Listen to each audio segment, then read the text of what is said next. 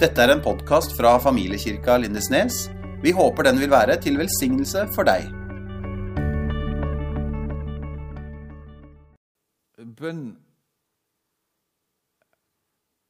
Det er stort og det er fantastisk at vi har den muligheten. At vi har fått den muligheten, den gaven til å kunne be, til å kunne søke Gud og være med Han. Um, og Jeg skal ikke komme med noen nye triks eller tips til å be. Dere kan be. Eh, men igjen noen enkle oppmuntringer inn i den hverdagen vi er i. For jeg tror vi trenger å oppmuntre hverandre og løfte hverandre opp. Kanskje minne hverandre på noen ting i det vi står i. For vi har så forskjellige liv, og vi møter veldig forskjellige ting. Kanskje preget av de samme kreftene, men vi møter dem i hverdagen, i arbeidslivet, i skole eller hva det måtte være. Og Da trenger vi å oppmuntre hverandre. I 1. Tessalonika 5,17 så står dette verset som kommer etter at vi skal alltid være glade, står det jo i verset før. Og det syns vi er krevende nok. Når alltid går rundt og være glad, men det står nå der. Og det fins en glede. Ja, det gjør det, som vi kan få tak i. Som ikke nødvendigvis handler om smil hver dag, eller latter, eller, eh, men en glede dypt der inne. Og så kommer dette verset. Be alltid.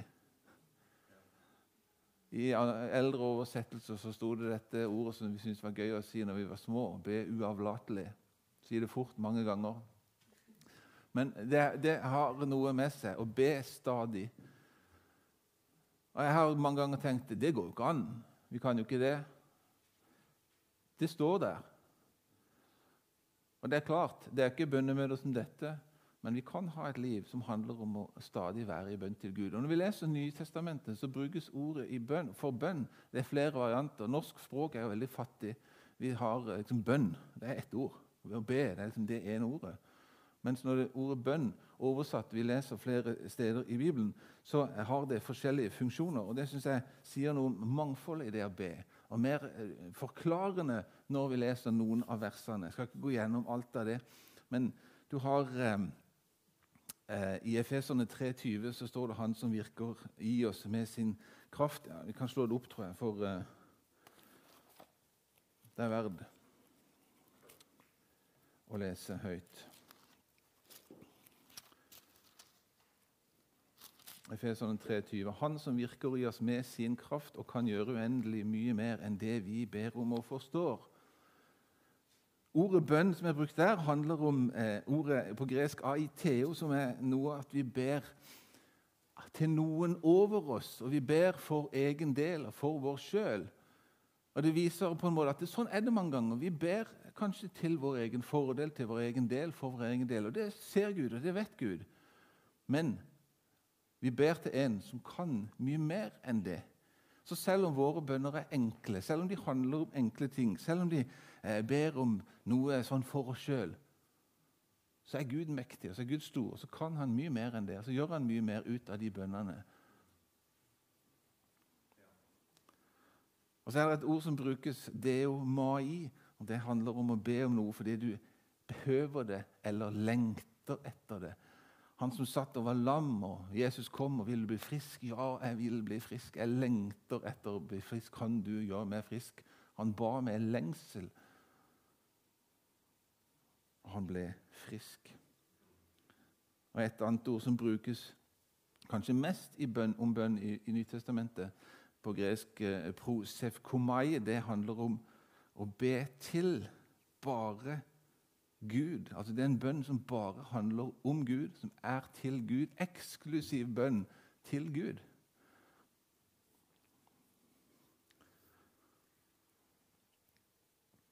Blant annet 1. Tessaloniker 5,17.: Be alltid. Vi har en eksklusiv, en unik mulighet til å gå og leve i nærkontakt med Gud hele tida. Den er eksklusiv, og den er mellom deg og Gud. Den er det ingen andre som får tak i. Den er det ingen andre som kan røve fra deg. Den er din, og den er mellom han og deg.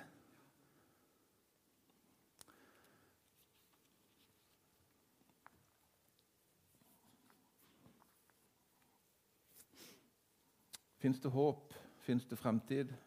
Det sier vi jo, og det leser vi. Tror vi det? Igjen så skal vi eh, ja, La oss ta eh, et vers til ifra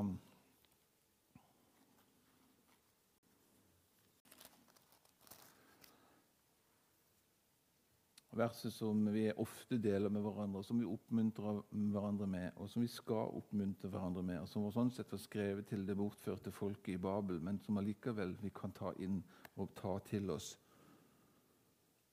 For jeg vet hvilke tanker jeg har med dere. Jeremia 29, 29,11 sier Herren. Fredstanker og ikke ulykkestanker. Jeg vil gi dere fremtid og håp. Og Så er det en sammenheng med det og det verset som kommer etterpå.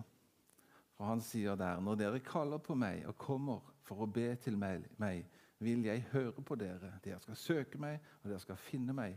Når dere søker meg av et helt hjerte, lar jeg dere finne meg, sier Herren. Så når dere søker meg, så skal dere finne meg, og så skal jeg gi dere fredstanker så skal jeg gi dere fremtid, og så skal jeg gi dere håp. Han har gitt det. Vi har fått det. Jeg tror sånne samlinger som dette er viktige for oss som enkeltmennesker. Det er viktig for oss som menighet å få lov til å kjenne på at dette her er fra Gud. Han har faktisk gitt oss fredstanker, han har gitt oss fremtid, og han har gitt oss håp. Mer enn bare noen ord vi sier ut av og til når det er mørkt, eller som vi deler til noen andre som er i mørket, men som faktisk er reelle, og som vi kan være med og oppmuntre hverandre med på en samling sånn som dette.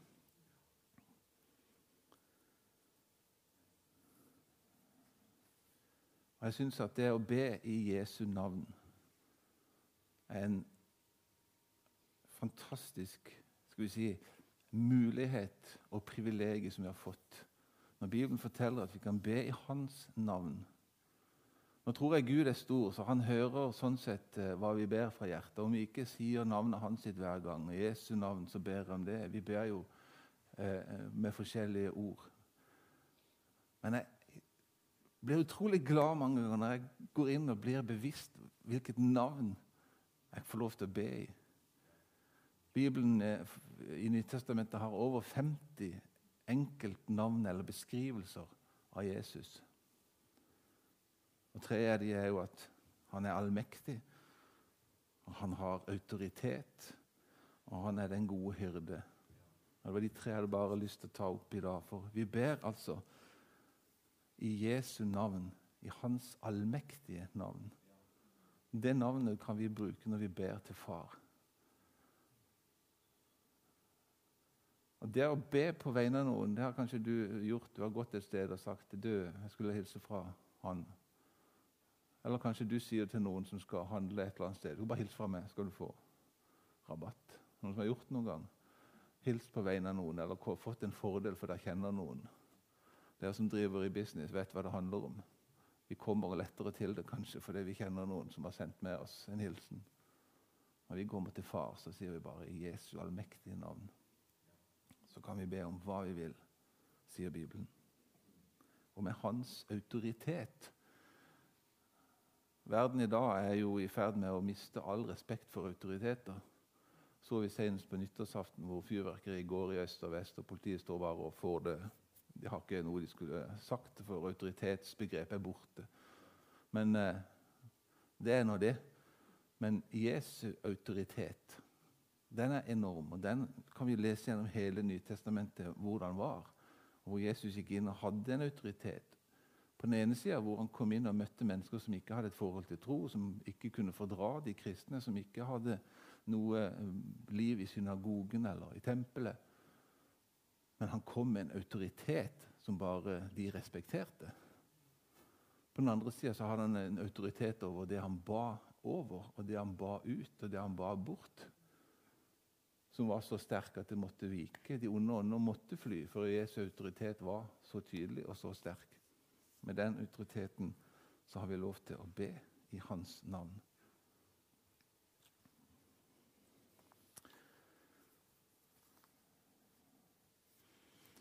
Det ble bedt her. Eh, la meg bare komme inn på det, så ikke det blir for seint for dere. Men det er et nytt år nå. Pleier du å sitte sånn i romjula og reflektere over det året som har vært? hender noen gjør det. Får fem minutter til å tenke på det som var. altså. Eh, og Jeg vet ikke om du har gjort opp status og tenkt ja, ja, det var et godt år. Eller som det står ofte i sånne rapporter for eh, typisk menigheter og andre foreninger når revisor har skrevet rapporten, eller du som menighetsleder har skrevet årsrapporten, så står det at 'nok et år på det jevne'. Det er ganske vanlig. Eh, og vi forurenser ikke det ytre miljøet, står det helt i bunnen. Jeg vet ikke hvordan det året har vært for din del, om det har vært krevende. Jeg tror jo, uten at vi skal ta håndsopprekning, så tror jeg det har vært det for en del. Eh, og igjen, det ser jo ikke veldig lyst ut i 2022 heller. Men i den refleksjonen da, så eh, dukka det helt sikkert opp takkeemner som ble også gjort her under lovsangen. Jeg tror det er kjempefint og kjempeviktig, sånn som ble gjort her, å gi rom for takk. Når Bibelen snakker om bønn, så er det ofte med takk. Og det er ikke uten grunn. Og jeg tenker at igjen det fokuset vi har tendens til Jeg kan ikke snakke for dere, men det er veldig lett sånn menneskelig å ha fokus på det som går dårlig, på det som er krevende. Når vi møtes, så er det mye Nå er det mye covid det snakkes om, ikke sant? og det er jo ikke akkurat lystig snakk. Jeg vet ikke hvordan det er for dere, men altså når du kommer sammen og Det, det går bare av seg sjøl. Ikke det at du vil, kanskje, men du Ja, har du tatt den tredje? Eh. Kjenner du noen som ligger nede? Og så snakker vi om dette, og så er det kjempekrevende. Så er vi i mange forskjellige situasjoner. og Det er jo ikke akkurat lystig, det ser ikke så bra ut. og Rødt eller gult eller grønt nivå og alt det der. Det preger oss. Vi kan, vi kan bare ta et liten sånn finger i jorda, så har det gjort det i et par år nå. og Det ser ut som det skal gjøre det en stund til. Men oppi det så tror jeg de aller fleste av oss kan tenke at det har vært noen lyspunkter òg. Og de må vi løfte frem, de må vi få på plass og takke for.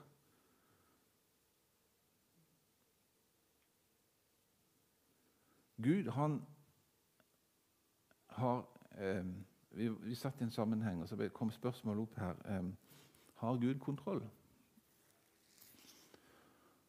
Noen som hadde hørt det i en tale og sa at Gud har kontroll. Og så eh, ble det litt provoserende, for ja, har han det? Ser ikke sånn ut, sier jo mange. Um, og På den ene sida så har han sånn sett ikke det. Iallfall ikke på meg. Ikke hele tida, iallfall. Kanskje ikke på det heller. Han har jo ikke full kontroll på oss. Vi gjør jo som vi vil i mange sammenhenger. Vi tar valg som vi gjør. Det er litt sånn som en sånn skipper på ei stor skute. Den skuta kommer frem, altså. Men uh, det kan være litt kaos om bord, og folk kan gjøre opprør, og det kan være mye som skjer. Så han har ikke kontroll på det. Men i det store bildet så har han absolutt kontroll. Men jeg har lyst til å eh, ta en historie fra Bibelen. For når vi sto i lovsangen, så dukka historien opp. Jeg tror faktisk jeg har talt, om den en gang her før, men den har jeg lyst til å gi dere. For i de situasjonene vi står i, som familier, som foreldre, som besteforeldre, så har vi det der igjen tilbake til hvordan det ser ut i fremtida. Og vi ser kanskje ikke så veldig lyst på det. Og vi Sover kanskje dårlig noen netter fordi vi vet hva som møter barna våre. barna barna våre. Vi kjemper kanskje til og med litt hjemme på hjemmebane, for det er ting som skjer, det er ting som dukker opp på skole, og det er ikke minst eh, sosiale medier. Um, og det er krevende å forholde seg til. Men jeg har lyst til å dele den historien igjen, for jeg tror den kan være en, en vei i akkurat det. Og igjen, i det store bildet så har Gud kontroll. Takk for det. Men det er historien fra eh, andre krønikerbok om kong Josjafat, som jeg hele tida kommer tilbake til på mange måter. Han var en mann som gjorde det Gud sa. Når vi leser kongerekkene, så ser vi jo alltid at historien begynner med at han var en mann som Gud var fornøyd med, eller han var en konge som gjorde det ikke Gud likte, ikke hadde behag i. Josjafat gjorde det. Og Så ble det mørkt for folket, og det ble krevende tider. Og kongen, han ble redd. Vi kan lese i kapittel 20 at fienden sto der og var truende. Det var mørkt, det var egentlig håpløst. Og kongen, som hadde ansvar han ble redd. du og meg kan føle på ansvar. Og vi kan bli redde. Og så står det fra eh, vers 3 Da ble Josjafat redd, kapittel 20. Så står det med en gang da, etterpå at han ble redd. Og han vendte seg til Herren for å søke råd hos ham. Han gikk til far med en gang, og så sier han, 'Far, hva skal jeg gjøre? Hva gjør jeg nå?' Så ropte han ut faste. Så samla de seg for å søke råd hos Herren. Så han har søkt råd først sjøl, og så samla han folket. Nå må vi søke Herren, sånn som her. Nå må vi be. De kom fra alle byene for å be Herren om råd. Og Så står han opp midt i folket og så ber han ut en bønn. Du kan lese hele den bønnen. Jeg skal ikke gjøre det, men Den handler om Herre, vår fedres Gud. Det er du som er Gud i himmelen, og som hersker over alle folkeslag. Eh, og, og folkeslagenes og I din hånd er makt og velde, og ingen kan stå seg imot deg. Han er redd, men han proklamerer hvem Gud er. Han proklamerer hvem han har med å gjøre, før han går inn i bønnen. Sånn som ble gjort her. og Det tror jeg er så, så fint. Og så står det innenfor Herrens ansikt, vers 13. Alle judeerne sto der for Herrens ansikt med sine familier, står det. Sine kvinner og barn. Altså hele familien. Innenfor Herren. Midt i forsamlingen kom Herrens ånd over levitten, Jahasiel, sønn av Zakaria, osv. Så, videre. så sier han Gud taler gjennom han i den bønnen, der alle står, familien der de står og søker råd hos Herren, så kommer han og så svarer han på bønnen.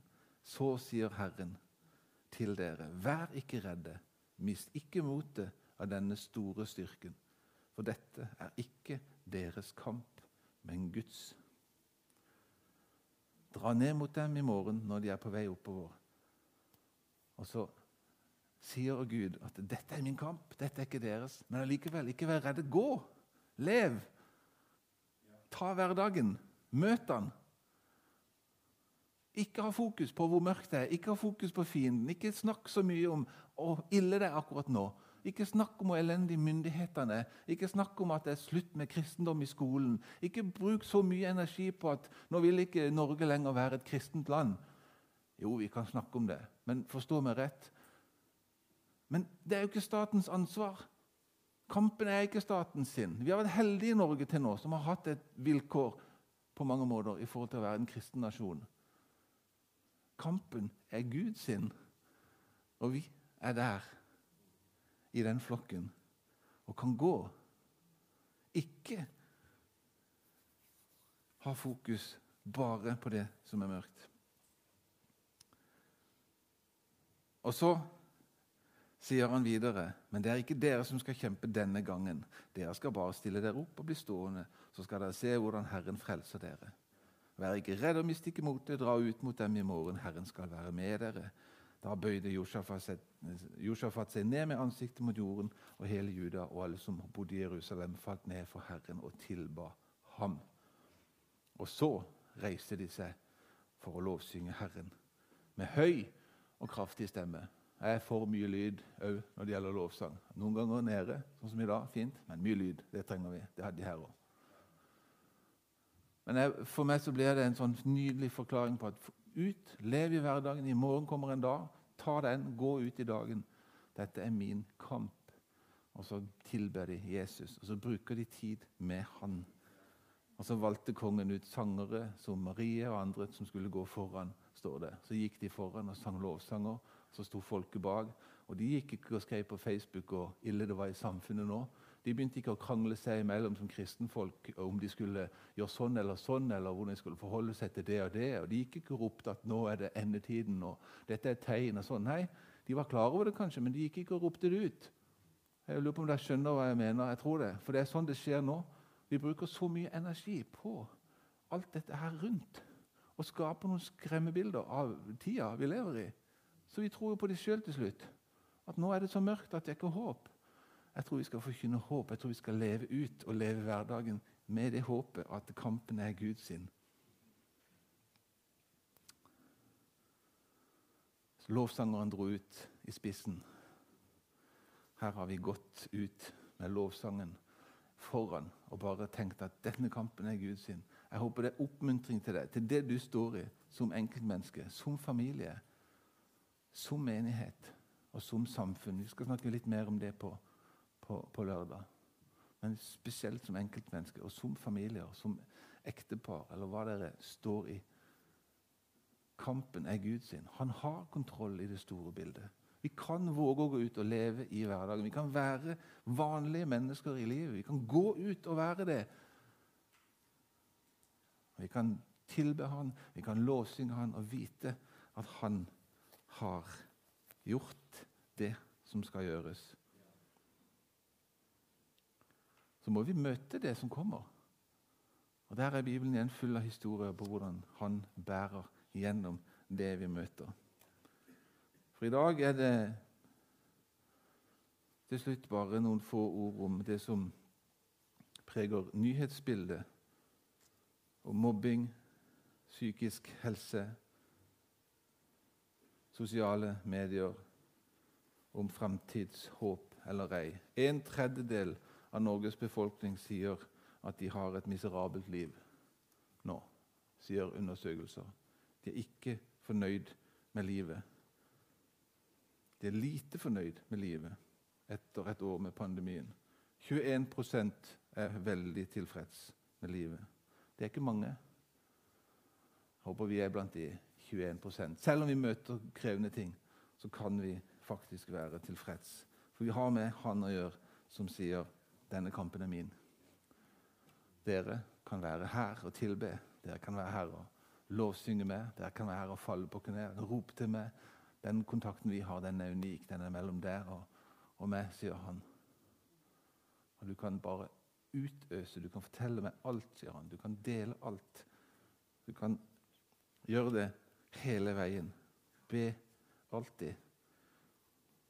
Jeg tror han kjenner hjertet vårt, han kjenner tankene våre, som roper til han også i de hverdagslige tingene, som ikke nødvendigvis er en formulert bønn med ord. Det hadde jeg lyst til å si i dag og oppmuntre deg til akkurat nå i den tida. Takk, far, for uh, at det er din kamp. Og vi er gode til å si at du har vunnet seier, og vi er gode til å si at uh, det er best is yet to come. Hjelp oss også å ta det inn og leve det ut midt i vanskelige og krevende tider. Og takk for hver enkelt som er her. Takk for du kjenner hver enkelt og livene, hverdagen og det som, som er. Og takk for du er skaperen av alle ting, og du er også en løsningens Gud som har løsninger på alle ting. Herre, det takker jeg deg for. Til slutt så har jeg lyst til å be far spesielt om fred. Om fred for uh, det enkelte mennesket som sitter her. At vi skal få lov til å erfare din fred mer enn noen gang i en bråkete tid der vi på dypet kjenner din fantastiske fred, som ikke vi forstår. I Jesu navn. Amen. Tusen takk for at du hørte på vår podkast. Følg oss gjerne på vår Facebook-side Familiekirka Lindesnes.